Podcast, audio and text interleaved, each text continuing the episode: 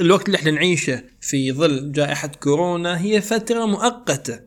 لكن السؤال الجوهري ماذا استفدت من هذه المدة؟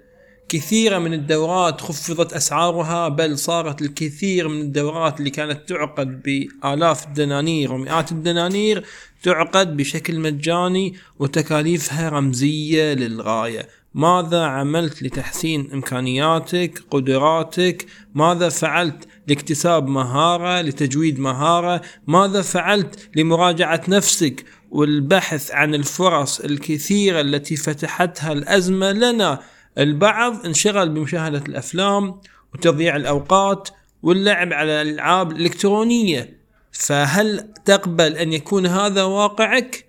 وهل تقبل أن تنتهي هذه الأزمة وتخرج منها صفر بدون أي إنجاز يذكر ولا تحسين في حياتك ولا على مهاراتك ولا في أي إمكانية للانتقال إلى فرص أفضل في حياتك؟ راجع نفسك وتأمل ماذا فعلت في الأزمة التي مرت وفي الوقت الذي مضى وماذا ستفعل في الوقت المتبقي.